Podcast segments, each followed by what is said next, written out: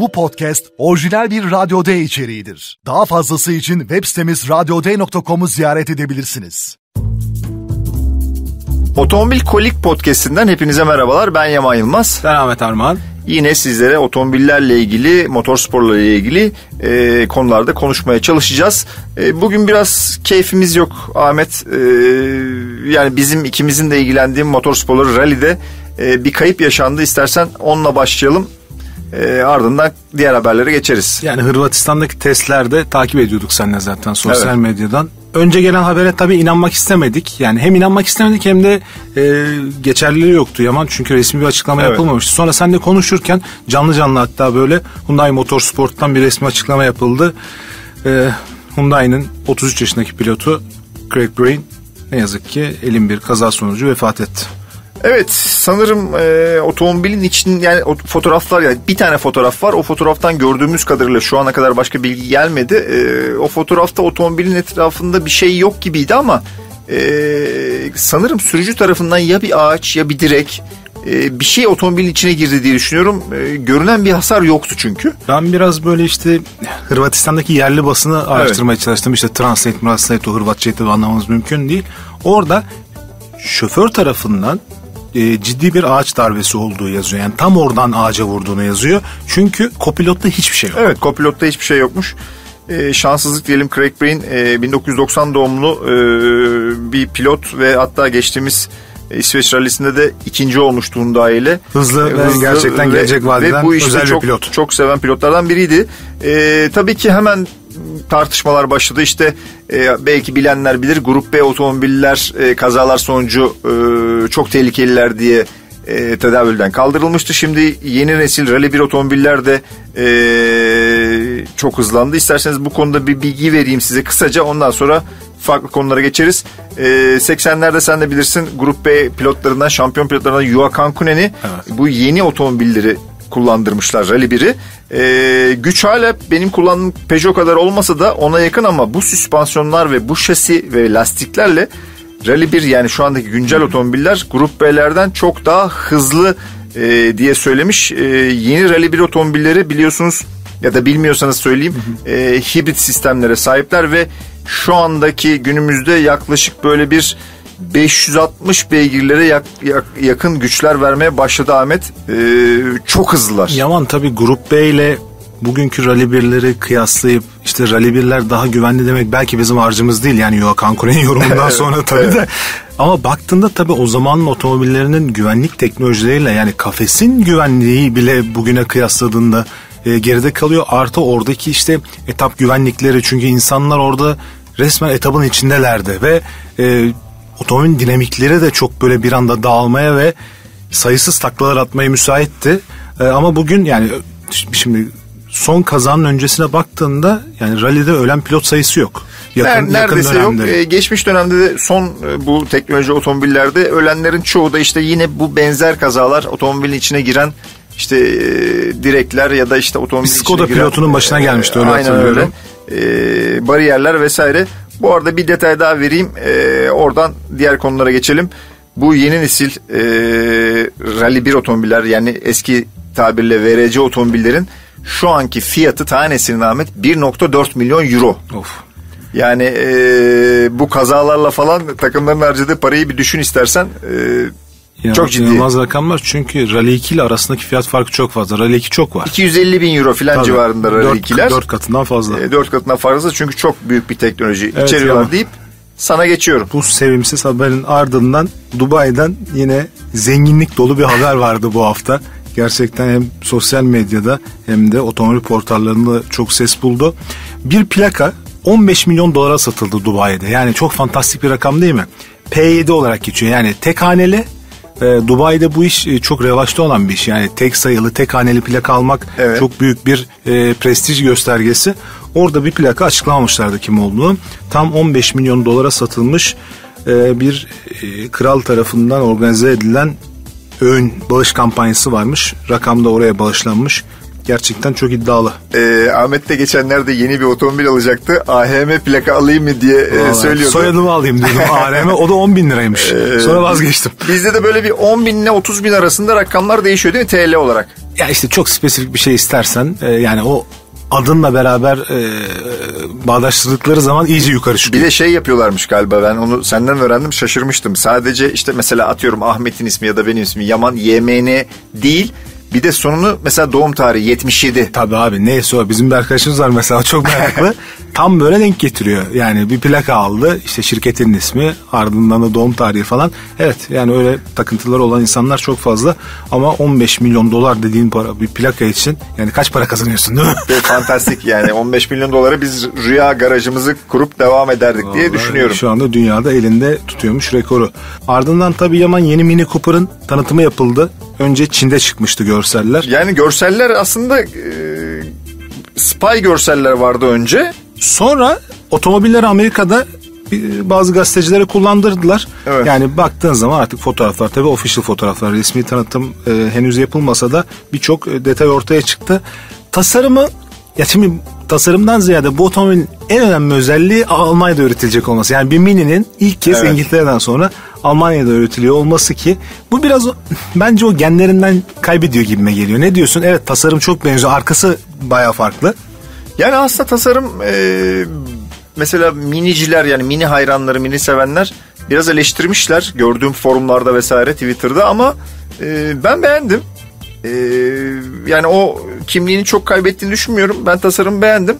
E, bakalım tabii daha otomobili kullanacağız. E, kullandıktan sonra o go-kart hissi gitti mi bence en önemlisi o. Bence o gitmemiştir. Daha bile iyileşmiştir. Ama orada şöyle bir e, artı geldiğiyle ilgili bir takım bilgiler okudum. Mevcut Mini'de menzil çok azdı elektrikli. Evet, tam doğru. Ben elektrikli. onu de. Burada. 400 kilometrelere ulaşan bir e, Cooper S'te elektrik menzilinden bahsediliyor ki böyle küçük şehir içi bir otomobilde 400 kilometre menzil gerçekten çok iyi. Peki e, içten yanmalı motorlar o devam edecek ama Devam mi? edecek. 1.5 2 litre S olarak devam edecek. Ee, yine 1.5 Türkiye'de baya bir yankı bulur ama belki bu sefer biliyorsun e, geçtiğimiz haftanın konu sevgili Hakan Tiftik'ti. Elektrikli otomobillerin BMW, Borusan ve BMW Grup tarafından ne kadar artışlarının fazla olduğunu söyledi. Satışlarının çok arttığını söyledi. Ee, orada da belki artık ipi elektrikli Cooper göğüs- göğüsleyebilir. Evet bu arada önümüzdeki hafta Ahmet'le birlikte e, Countryman John Cooper Works kullanacağız. 2 litre 306 beygir. O da bizi bir heyecanlandırmıyor Çok değil. uzun zamandır o kadar hızlı bir mini kullanmamıştık. Biz Evet. 211 beygirlik bir şey vardı. Ben ona bayılmıştım. Düz vitesli. Evet. Cooper e, S 3 kapılı olan. Şimdi Countryman 306 beygir. Evet bakalım. E, onunla ilgili de burada size kısa yorumlarımızdan bahsederiz. Özel bir otomobil çünkü. Evet. Yani baktığın zaman Türkiye'de hem az gelmiş hem az kişi tarafından sahip Aynen öyle. olunmuş özel bir otomobil. Yaman Toyota tarafında haberler var. Yeni başkan Koji Sato yönetiminde hibrit otomobillere inancını yenileyerek tabi Toyota bir hibrit markası aslında yani Evet. elektrikli bir otomobil yaptılar BZ e, X4'ü. Fakat BZ markası yarattılar aslında kendi içlerinde. Yani ben şunu düşünüyorum mesela 25 yıllık hibrit geçmişine sahip bir markanın elektrikli konusuna çok daha önce el atıp belki orada bütün piyasaya hakim olması gerekirdi. Toyota bunu yapmadı Ama abi. onlar hala hibrite inanıyorlar. Hibrite çok inanıyorlar ve yeni bir model çıkaracaklarmış. Onunla ilgili de plug-in hibritin 200 kilometre menzile sahip olduğunu söylüyorlar ki bu bence devrim niteliğinde. Evet Ahmet ben de onu okudum. Ee, şunu söylemek lazım. Biz aslında seninle konuşmalarımızda her zaman ee, şu anki en mantıklı seçeneğin plug-in hibritler olduğunu söylüyorduk ama günümüzdeki plug-in hibritlerin işte 80 kilometre 70 kilometre civarında ee, menzilleri vardı. Sadece elektrik menzilleri vardı. Söylediğin gibi 200 kilometrenin üzerine çıkacak ee, bir plug-in hibrit ee, otomobil e, durumu çok değiştirebilir. E, bu arada şunu da söyleyelim e, ek olarak 2050 yılında karbon nötr olmaya odaklanmış Toyota. Evet yani çok ciddi atılımlar var. 2026 yılına kadar da 10 tane Yeni yeni elektrik- bataryalı otomobil çıkaracaklarını duyurdular. Tabii Ve bu arada taraftan Ahmet sözünü kestim. Tabii. Bir detay daha var. 3 yıl içerisinde şirketin tam elektrikli araç satışlarının yıllık 1,5 milyona ulaşması bekleniyormuş. Toyota çok global bir marka ya rakamlar nasıl yüksek Çok rakamlar acayip bir hale geliyor. Söylediğin gibi. Diğer taraftan da hem işte hibritler hem hidrojen yakıtlılar hem plug-in hibritler yani resmen bir Toyota'dan model bombardımanına maruz kalacağız gibi bir e, haber var ki Toyota tarafında. Yeni başkan bir revizyon yapacak belli. Bir de onlarda sadece otomobil gibi düşünmeyin sevgili dinleyenler. E, aynı zamanda e, mobilite konusunda da bir sürü yatırımları var. Yani e, mobiliteden kastımız şöyle sadece işte dört tekerleği olan yürüyen otomobil bildiğimiz otomobiller değil. Onlar bir yerden bir yere ulaştırmak için insanları farklı mobilite çözümleri üretiyorlar. İşte skuterlar vesaire işte e, engelliler için bir takım elektrikli araçlar. Dolayısıyla e, Toyota sadece otomobil değil aynı zamanda bir genel global anlamda kendilerinin bir mobilite markası olduğunu e, söylüyor. Yaman Çinli bir üretici var BYD biliyorsun ALC Otomotiv ile birlikte de Türkiye'ye girmek üzereler. Evet. O modelleri de göreceğiz. Tabii Çin'de çok etkili bir marka. Tesla'ya kafayı takmış vaziyetteler. Ve satışlarını geçeceğiz diyorlar. Hatta aldığımız haberler doğrultusunda da 2023'ün ilk çeyreğinde Tesla satışlarını geçtikleri yönünde. Burada tabii bir model e, haberi var. Bir süper hibrit yapmayı düşünüyorlar. 1200 kilometreye yaşan bir menzilden bahsediliyor. 3.8 litre 100 kilometredeki tüketimi yani bu otomobil e, çok fantastik bir hal alacak bence. Bu arada marka tabii enteresan e, şeyler de yapıyor. Ee, geçtiğimiz hafta B7'nin Tesla'yı tahtından indirmesinden sonra şöyle bir haber de çıktı. Dans eden zıplayan bir e, otomobil yapmışlar. Enteresan. Ee, değişik Disus adı verdikleri bir süspansiyon sistemi var. Bu süspansiyon sistemiyle e, bir takım e, böyle işte dediğim gibi e, dans hareketleri yapabiliyor. Bu arada aracın e, 1100 beygir gücünde olduğunu sıfırdan 100 km hıza 2 saniyede ulaştığını ve 700 kilometrede menzili olduğunu söylüyorlar. Söylüyorlar evet. Realitede ne olacak onu bilmiyoruz ama rakamlar gerçekten fantastik. Evet zaten e, boşuna da e, Tesla'yı tahtından indireceğiz, indiriyoruz dememişlerdir diye düşünüyorum. Evet. Çin diyoruz elektrikli otomobil deyince Çin pazarı tabii inanılmaz. Yani Türkiye'de şu vergiler olmasa bak bütün Çinliler basar Türkiye'yi. Zaten basmak söyleyeyim. üzerelerdi. Devlet ee, tam tok ortaya çıkarken, ortaya bir, çıkarken orada bir stop yaptı koydu. ama yeni markalar gelmeye devam ediyor. E, Volkswagen ID7 biraz bence onu konuşalım. Çünkü yani şimdi Passat dediğin otomobil hem dünya otomobil tarihinde hem de Türkiye otomobil geçmişinde çok önemli bir model. Hala da bence mevcut Passat ikinci elde çok revaç gören bir otomobil. Hala da insanlar soruyorlar biliyor musun? Valla yani sıfırı benim abimin bir şeyi vardı bununla ilgili bir tezi. Çok da haklı. Ee, Volkswagen Türkiye'de fabrika kurmaya çalışırken Yaman. Hı hı. Evet dünyada Passat üretimi bitecek ama bu işte Konya'da Monya'da kurulacak bir fabrikada Passat üretilse buradan her yere satarlar özellikle de iç pazara satarlar diye hakikaten çok doğru. E, zaten öyle bir şey vardı hatırlayacaksınız Manisa'da e, böyle bir şey üretilecekti böyle bir e, Passat ve Passat benzeri bir otomobil üretileceği lafları vardı. Fakat daha sonra e, Volkswagen bu yatırımını çekti. E, Hayır, çekti. Globalde üretmesen bile e, Türkiye pazarı ve diğer işte e, Orta Doğu'ya mesela çok rahat bir şekilde Passat satmaya devam edebilirdin deyip ID7'ye dönelim. Çünkü ID7'nin Çin'deki ilk fotoğrafları çıktı yani global evet. lansmanı yapılmadı.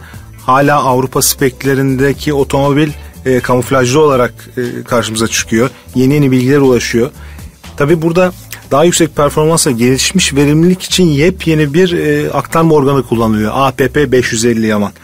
Dördüncü çeyrekte de piyasaya sunulacak. Valla enteresan Ahmet. E, Volkswagen gibi e, daha doğrusu Volkswagen'in Passat gibi bir modeli e, üretimden kaldırması e, tabii üretimden kaldırması derken şunu söyleyeyim sedan Passat üretimden kaldırıldı e, varyant olan yani station olan model halen daha Akademeli devam ediyor. olarak gidecek ama. E, dolayısıyla Passat gibi bir ne diyeyim kural koyucu yani sedanların en iyisi en çok satanı e, pozisyondaki bir otomobilden vazgeçip tamamen yepyeni bir elektrikli otomobil ve ismi de Passat'la alakası olmayan bir otomobil. Söylediğin gibi ID7'ye geçmeleri bence çok iddialı ama markanın da geleceğe nasıl baktığını da gösteriyor. Şimdi bu otomobil Avrupa'da üretilecek olan modeli 286 beygir olacak 550 Nm'de torka sahip olacak. Fakat e, dinleyiciler mutlaka takip edenler otomobillere meraklı olanlar bu Çin'deki beyaz otomobili gördüler. Evet. Çin Ticaret Bakanlığı bu otomobille ilgili spekleri yayınladı. O otomobil Yaman 155 kilometre maksimum hıza çıkıyor Ve e, oradaki aktarma organında bu APP 550 olmadığını düşünüyoruz. Yani bizim Okan abiyle falan da konuştuk. Dün akşam hatta onun üzerine bir kritik yaptık. E, onda hala yani ID3'teki bir önceki nesil arkadan itişli elektrik sisteminin olduğunu söylüyor. Çin'de üretilen versiyonda. Bu arada belki de e, bu CES 2023'te yani teknoloji fuarında da e, bu ID7'nin bir e, böyle e, farklı elektronik boyularla e, kullanılan versiyonda bir gösterilmişti. E, evet. Belki meraklıları onu da orada görmüştür. Yani elektronik kamuflaj yapmıştı Volkswagen. Hatırlayacaksın. E zaten söylediğin Las Vegas'taki teknoloji fuarı da artık bütün otomobil markalarına ev sahipliği yapıyor. Yani bizim evet. bizim otomobil fuarları bitti. Parisler, vallahi, Frankfurtlar. Va- vallahi bütün iş orada dönüyor Yaman ya. Çok artık teknoloji otomobilin içinde inanılmaz bir yer aldı. Peugeot tarafından bir haber var. Onlar için gerçekten önemli prestij sahibi bir ödül haberi geldi. Red Dot ödülünü kazandılar. 408 ile beraber bence hak edilmiş bir ödül. Ya tabii ben bu Red Dot hikayesinde şöyle şöyle bir eleştirim var e, her sene e, bu Red Dot ödülleri dağıtıldıktan sonra bir sürü otomobil markasından bülten geliyor. Şu model Red Dot ödülünü aldı. Şu model Red Dot ödülü. Evet. Ya tam doğrusu bu işin nedir ben de onu çözemiyorum. Şimdi Vos e, evet 408 e, Red Dot tasarım ödülünü aldı. Red, Şimdi, Red evet. Aslında şöyle bakmak lazım abi. Sadece otomobil değil. Tasarım öğesi içeren tüm ürünler üzerinde bir seçim yapıyorlar. 43 tane jüri üyesi var atıyorum işte çaydanlığı da seçiyorlar. ödeme sistemini de seçiyorlar. Televizyonu da seçiyorlar.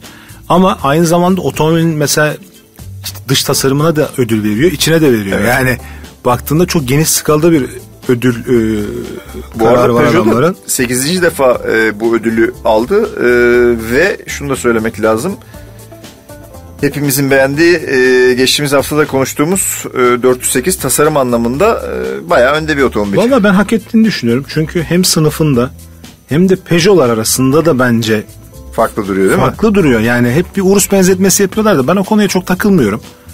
Yani ben de zaten sadece arkası benziyor bence. Benziyor gibi bilmiyorum yani bu fastback olduğu için evet. bence benzetiliyor ama yani şöyle çizgilere falan bak Yaman Urus bambaşka bir yerde, 408 bambaşka bir yerde. Şöyle e, zaten burundan önden değil de e, yan arkadan biraz yani tam arkanın o şeyin bagajın bittiği yer falan biraz benziyor ama dediğin gibi Ahmet ben de sana katılıyorum bu otomobile e, ucuz Urus yakıştırması Yok, ben e, hiç çok hoşuma yanında değilim bu fikre. Ben de sana katılıyorum. Bu arada şunu da belirtelim. E, 408 Türkiye'ye giriş yaptı ve e, bayağı şu anda otomobil yok satıyor pozisyonda. E, herkes 408'i soruyor. E, bu detayı da verelim. Evet yine şıp diye bir çırpıda podcast'in sonuna geldik. Evet 15 dakikanın Uzatalım mı biraz bunları ya? Bu çok böyle şey gibi oluyor. Hap gibi oluyor. Ee, Çünkü yeni haberler olduğu zaman gerçekten anlatacak çok şey kalıyor bu bölümün de sonuna geldik. Evet Ahmet dediğin gibi 15 dakika e, nasıl bitti anlamadık. Şu anda elimdeki kronometreye bakıyorum. 14, 58, 59, 15 tamam, bitti. Mesai doldu. Mesai doldu e, deyip şaka bir yana e, umarım bizi takip ediyorsunuzdur podcastlerimizi. Umarım bizi e, Radyo D'deki programımızdan da takip ediyorsunuz deyip e, buradan hoşçakalın diyelim. Hoşçakalın.